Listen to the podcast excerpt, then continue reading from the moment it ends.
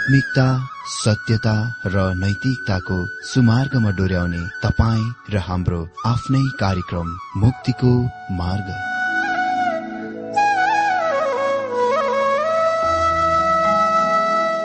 आदरणीय श्रोता यस मुक्तिको मार्ग कार्यक्रममा हार्दिक स्वागत छ। आशा छ यस आत्मिक कार्यक्रमद्वारा जीवनमा आत्मिक आशिष अलौकिक शान्ति र आनन्द प्राप्त गर्नुहुनेछ। र जीवनमा धन्य अनुभव गर्नुहुनेछ। आउनुहोस् श्रोता। मन र आत्माको तयारीको लागि यो मिठो अनि मधुर भजन गीत सुनौ।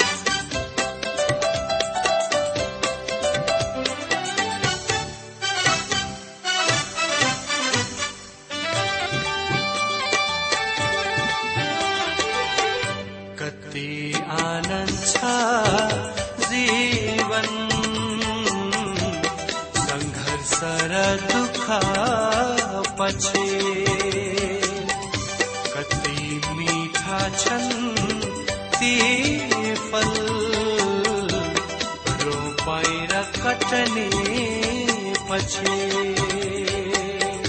कति आनन्द छ जीवन सङ्घर्ष र दुःख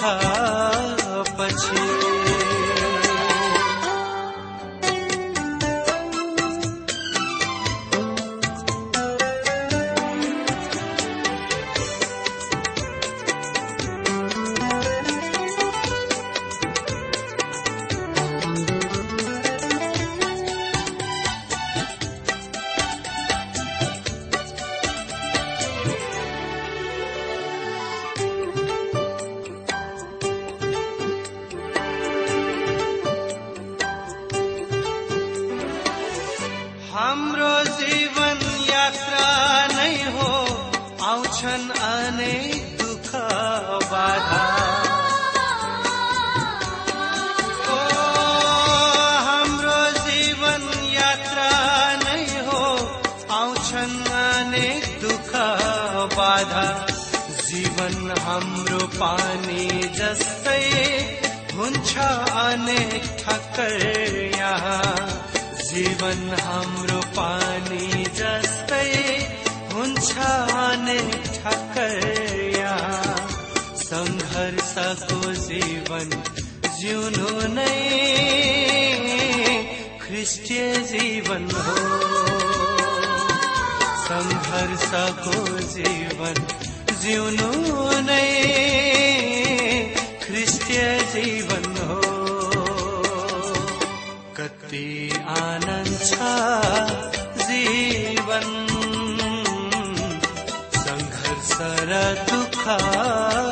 पछि। कति मिठा छन् ती फल। रोपाइ र कटने पछि।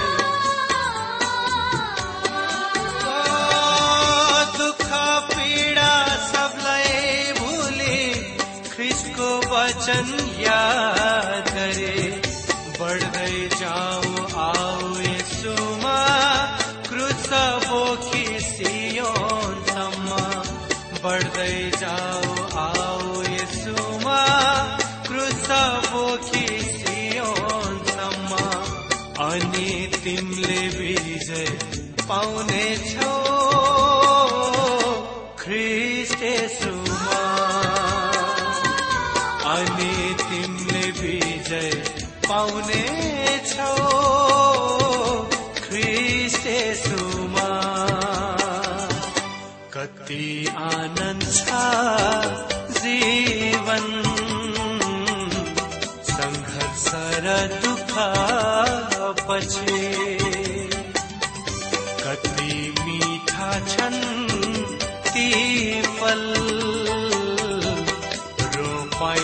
कटनी पछि।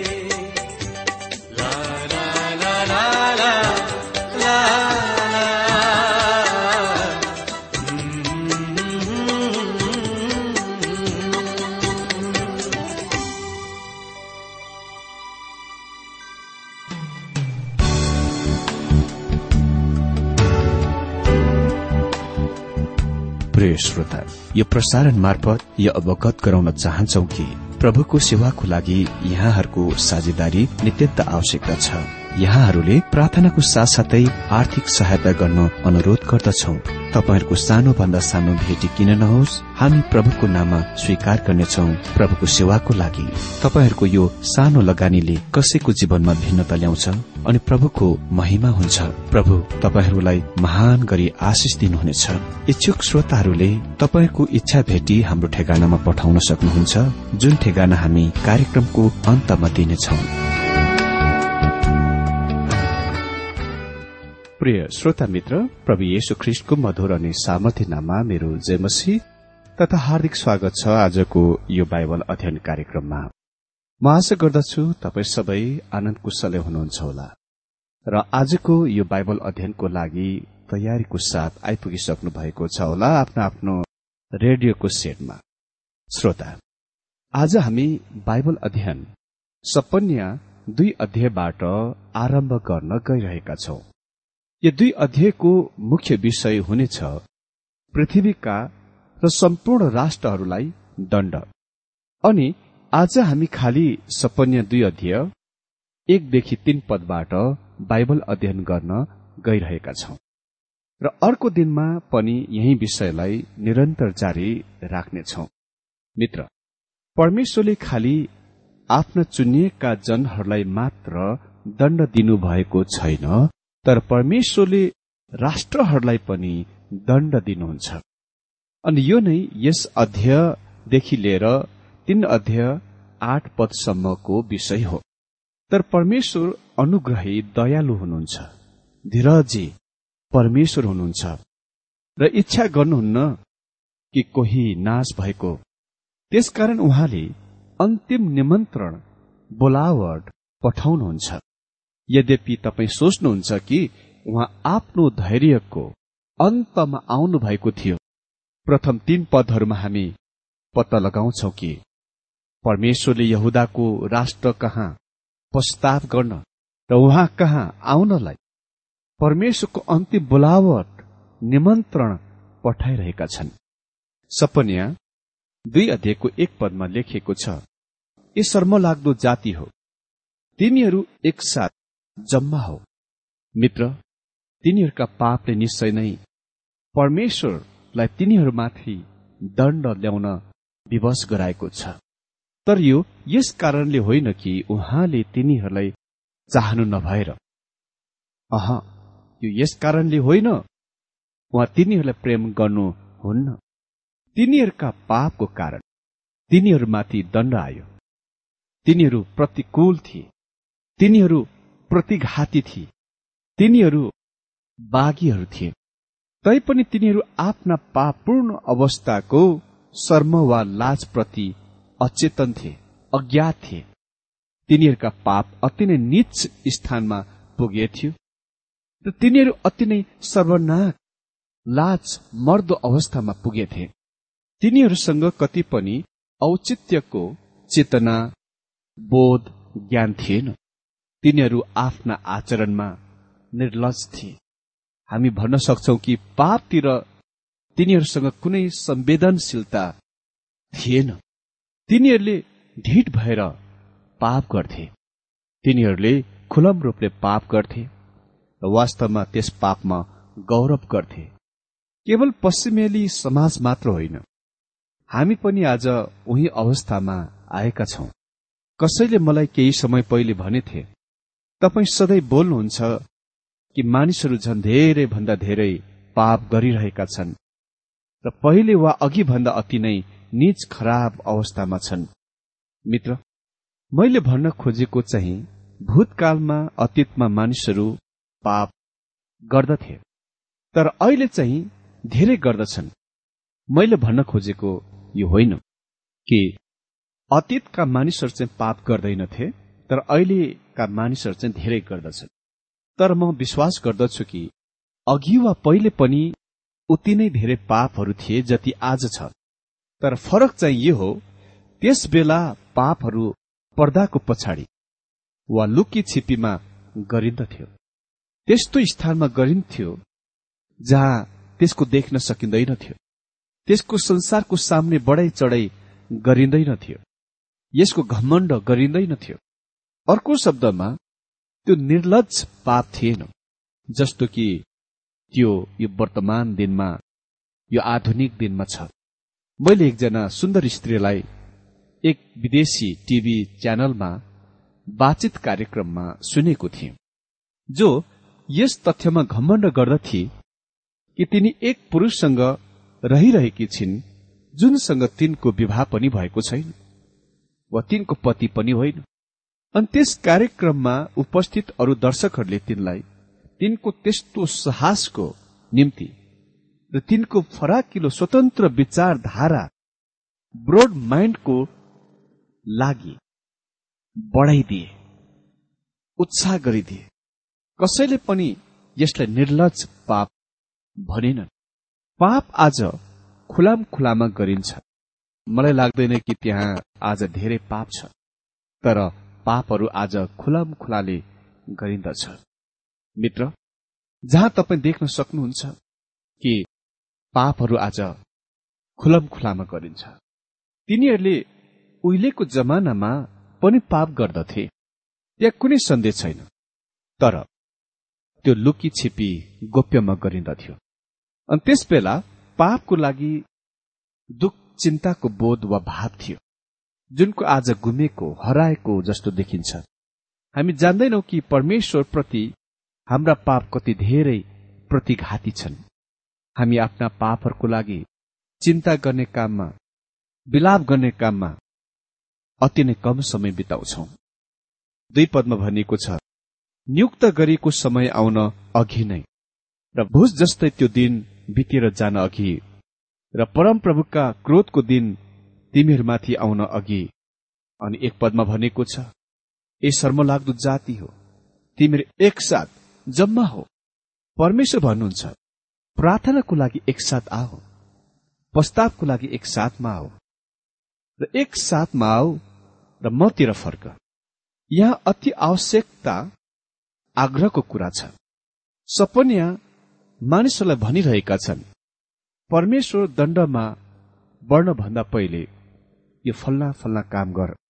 किनभने जब तिमीहरूले पापहरूको सीमाहरू नाग्दछौ र परमेश्वर दण्डमा बढ्न आरम्भ गर्नुहुन्छ तिनीहरूले पत्ता लगाउनेछौ कि अति नै अबेर भएको छ ढिलो भएको छ। अनि आज हामी धेरै विश्वासीहरू प्रस्तावको प्रार्थनामा आउन आवश्यक छ अनि परमेश्वरले त्यस प्रकारको प्रार्थना सुन्नुहुनेछ र उत्तर दिनुहुनेछ। भनिएको छ तीन पदमा ए देशका दिन हो तिमीहरू जो उहाँको आज्ञा पालन गर्छौ परमप्रभुको खोजी गर। धार्मिकता खोज नम्रता खोज र परमप्रभुका रिसको दिनमा सायद तिमीहरूले शरण पाउनेछौ। मित्र कुनै पनि समय युगमा सधैँ ती मानिसहरूका बाँकी बचेका प्रभुभक्त जनहरू भएका छन् जो परमेश्वरप्रति सत्य र विश्वासयोग्य छन्। जस्तो आज चर्च वा मण्डलीमा पनि बाँकी बचेका प्रभुभक्त जनहरू अंग्रेजीमा रेमेनेन्ट भन्छौ। तिनीहरू छन्। त्यहाँ धेरै मण्डली वा चर्च भनाउँदा मनताता मण्डलीहरू र चर्चहरू छन्। तर त्यहाँ अझै केही खास विश्वासीहरू सत्य पक्का विश्वासीहरू हुन्छन्। अहिले म यो कुरा बुझ्न सक्दिन कि किन तिनीहरू त्यहाँ छन् र म तिनीहरूलाई इन्साफ गर्न चाहन्न।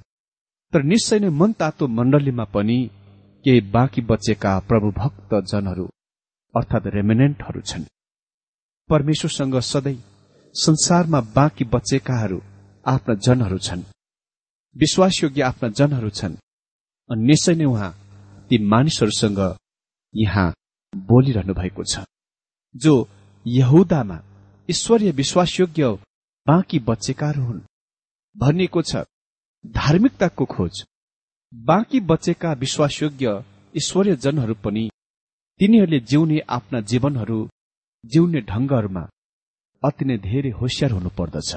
तिनीहरू मूर्खताको घमण्डले आत्मा निर्भरताले उचालिनु हुँदैन फुलिनु हुँदैन किनकि त्यो त्यस राष्ट्रको एक महान पाप थियो। यो आज विश्वासीहरूको बीचमा पनि अति नै धेरै खतरा छ। कसैले भनेका छन् त्यहाँ जातिको घमण्ड छ अनुहारको घमण्ड छ र अनुग्रहको घमण्ड छ। कोही कोही मानिस त तिनीहरू अनुग्रहद्वारा बचेका वा उद्धार पाएकामा पनि घमण्ड गर्दछन्। तिनीहरू सोच्दछन् कि त्यो तिनीहरूको निम्ति कुनै त्यस्तो कुरा हो जुनको तिनीहरूले घमण्ड गर्नुपर्दछ। तिनीहरू विचार गर्दछन् कि तिनीहरूका उद्धारको कारण तिनीहरू सर्वशक्तिमान परमेश्वरका विशेष प्रिय पात्रहरू हुन्। मित्र हामीसँग गौरव गरिराख्ने पर्ने कुनै कुरै छैन। प्रेरित पावलले भने उससँग घमण्ड गर्ने कुनै कुरै छैन। अनि मलाई विश्वास गर्नुहोस् यदि पावलसँग घमण्ड गर्नुपर्ने केही कुरा छैन भने मलाई निश्चय छ कि हामी कोहीसँग पनि केही कुरा छैन। हामी परमेश्वरका सन्तानहरू हौ। भन्ने तथ्यमा घमण्डी बन्ने कुरामा पनि खतरनाक छ। बरु यसले हामीलाई नम्रतातिर दोहोऱ्याउनु पर्नेछ। उसले यहाँ भन्छन् धार्मिकता खोज र नम्रता खोज। अनि अर्को खण्डमा भन्छन् र परम प्रभुको रिसको दिनमा सायद तिमीहरूले शरण पाउनेछौ। मित्र चट्टानको चिराभित्र छिपिनु र उहाँका पंखहरूद्वारा ढाकिनु अति नै अद्भुत र महिमित कुरा हो। परमेश्वरका सन्तानहरूले यो कुराको थाहा पाउन आवश्यक छ यद्यपि तिनीहरू महाक्लेशमा भएर नगए तापनि तिनीहरूले यी मानिसहरूले झै महान दण्ड र महान कष्ट र समस्याहरूको अनुभव गर्न सक्छन्। यहुदा महाक्लेश अवधिमा वा परमप्रभुको महान दिनमा भएर गएनन्। तर तिनीहरू निश्चय नै साना क्लेश अवधिमा भएर गए। हामी सबैले यो जीवनमा केही हदसम्म क्लेश वा संकष्टको पाउन गइरहेका छौं। हामीले दुःख कठिनाई पाउन गइरहेका छौं वा पाउँदछौ। मैले एकजना एक स्त्रीको कथा सुनेको थिएँ जो आफ्ना समस्या कष्टहरूको बारेमा गुनासो र शिकायत गरिरहेकी थिइन्। निश्चय नै तिनीसँग केही कठिनाई र समस्या थियो। जब तिनको मालिकले त्यसरी गुनासो र शिकायत गर्ने कामको लागि हप्काए त्यस नोकर्नी स्त्रीले उत्तर दिन् जब असल परमेश्वरले म का क्लेश वा कष्ट पठाउनुहुन्छ म दान वा शुल्क दिन इच्छुक छु। म तिनको कुरासँग सहमत छु। म विश्वास गर्दछु कि हामीले उहाँलाई दान सौगात दिनु पर्दछ पावल भन्छन् यो शरीरहरू भित्रभित्रै हामी आर्तनाद गर्दछौ। तर यसको मतलब यो होइन कि हामी महाक्लेशमा छौं न त्यसमा भएर जाने प्रभुका सन्तानको रूपमा हाम्रो लागि कुनै सम्भावनै छ। यसमा हामी निश्चय हुन सक्छौ। अमित्र दुई अध्याय पद चारदेखि शुरू भएर तीन अध्यायको आठ पदसम्म हामी त्यस्तो खण्डमा अहिले आउँछौ जुनमा हामी राष्ट्रहरूमा वा राष्ट्रहरूमाथि दण्ड देख्छौ।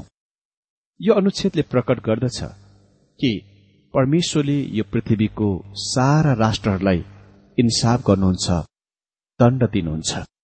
बाइबलको परमेश्वर स्थानीय देव वा ईश्वर होइन। वा त्यस्तो देवता हुनुहुन्न जसलाई तपाईँ सानो घरमा सीमित गरेर राख्न सक्नुहुन्छ। वा स्थानीय वा राष्ट्रिय देवता ईश्वर पनि हुनुहुन्न। मित्र बाइबलको परमेश्वर सम्पूर्ण विश्वका मानिसहरूको परमेश्वर हुनुहुन्छ। ती सबै मानिसहरूको लागि ख्रिस्ट मर्नुभयो अनि प्रत्येक विश्वासीहरूको लागि परमेश्वरको वचन सुसमाचार तिनीहरूलाई दिनु हो। तिनीहरूलाई सुनाउनु हो।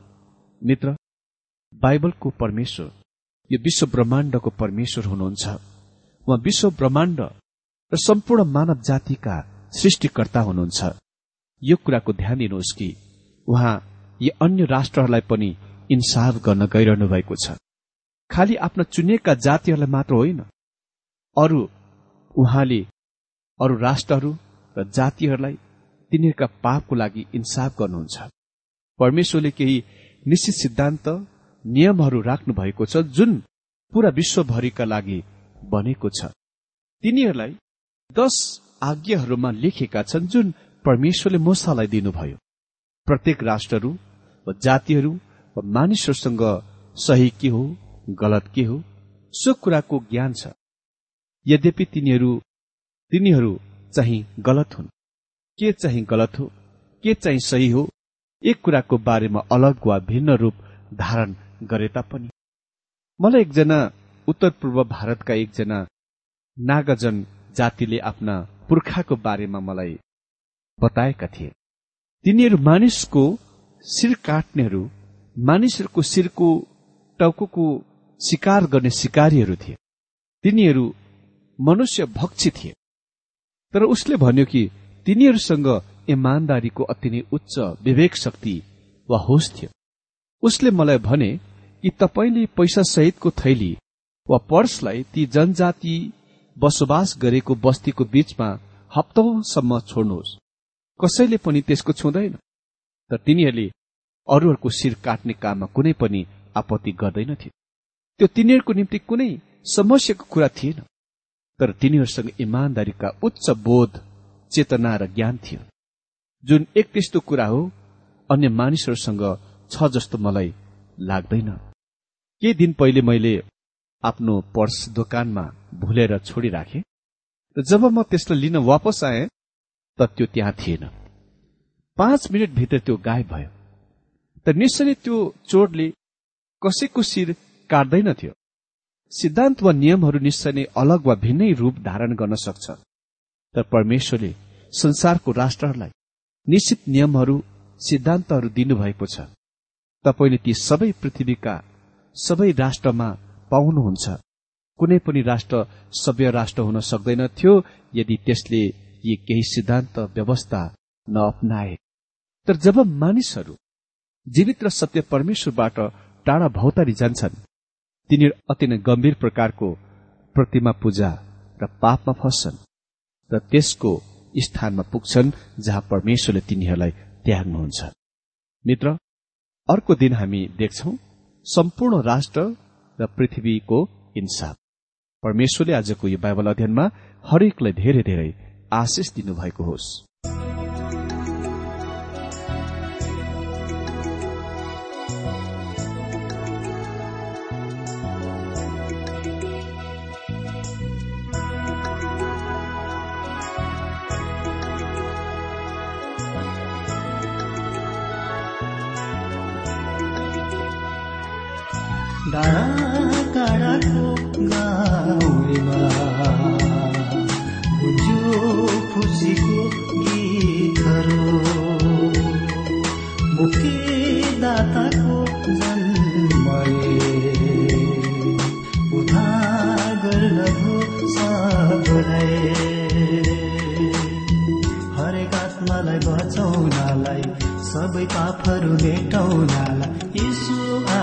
संसारमा डाँडा काँडाको गाउँमा।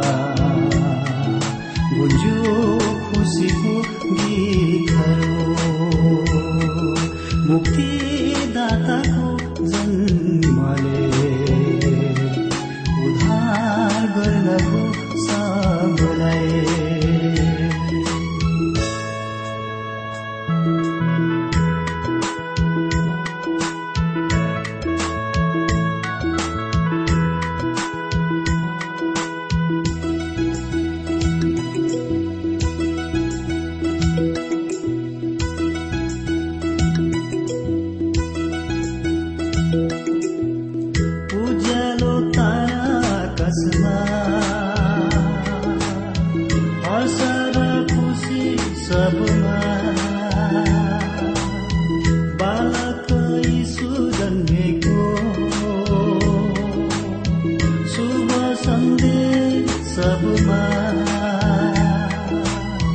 हरेक आत्मालाई बचाउनलाई सबै पापहरू मेटाउनलाई यीशु संसारमा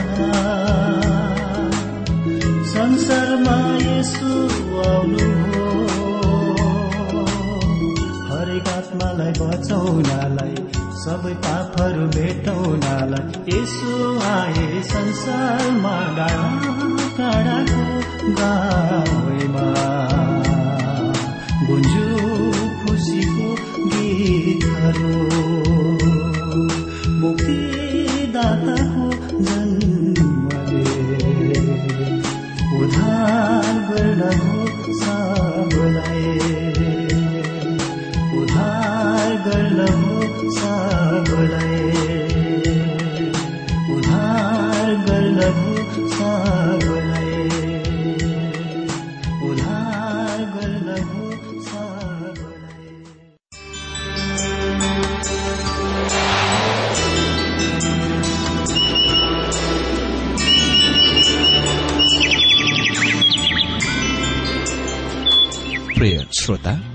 भर्खरै तपाईँले टीडब्ल्यूआर नेपालद्वारा सञ्चालित आत्मिक कार्यक्रम मुक्तिको मार्ग सुनिरहनु भएको थियो। श्रोता आजको यो कार्यक्रम सुनेर तपाईँलाई कस्तो लाग्यो? यदि यो कार्यक्रम सुनेर मनमा कुनै खुल्दुली वा कुनै प्रतिक्रिया अर्थात सुझावहरू छन् भने हामीलाई पत्रद्वारा लेख्न सक्नुहुनेछ। हामी हृदयदेखि नै स्वागत गर्नेछौ स्वीकार गर्नेछौ साथै बाइबल सम्बन्धित प्रचारहरू कार्यक्रम सारणीहरू हामी अनुरोधमा पठाउन सक्छौ। अनि तपाईँसँग कुनै प्रार्थनाको विषय छन् भने हामीले तपाईँको लागि प्रार्थना गरेको चाहनुहुन्छ भने प्रभुमा आफ्नै परिवार सम्झेर हामीलाई पत्रमा लेख्न सक्नुहुनेछ। तपाईँको लागि हामी प्रभु येशुसँग प्रार्थना गर्नेछौ। अधिक जानकारी र पत्रचारको लागि हाम्रो ठेगाना यस प्रकार छ। कार्यक्रम मुक्तिको मार्ग जीपीओ नम्बर उनानब्बे पचहत्तर एपीसी पच्चिस एकसठी काठमाडौँ। ठेगाना एकपल्ट सुन्नुहोला। कार्यक्रम मुक्तिको मार्ग जीपीओ नम्बर उनानब्बे पचहत्तर एपीसी पच्चिस एकसठी काठमाडौँ। हाम्रो इमेल एड्रेस हो TWR Nepal at Yahoo dot com साथै यस नम्बरमा एसएमएस गर्न सक्नुहुनेछ। अन्ठानब्बे चार सत्तरी पैतिस छ सय उनासी नौ आठ चार सात जिरो तीन पाँच छ सात नौ। हुन्छ श्रोता आजलाई हामी विदा चाहन्छौ। अर्को कार्यक्रममा हामी पुनः भेट्नेछौ। तबसम्मलाई नमस्कार।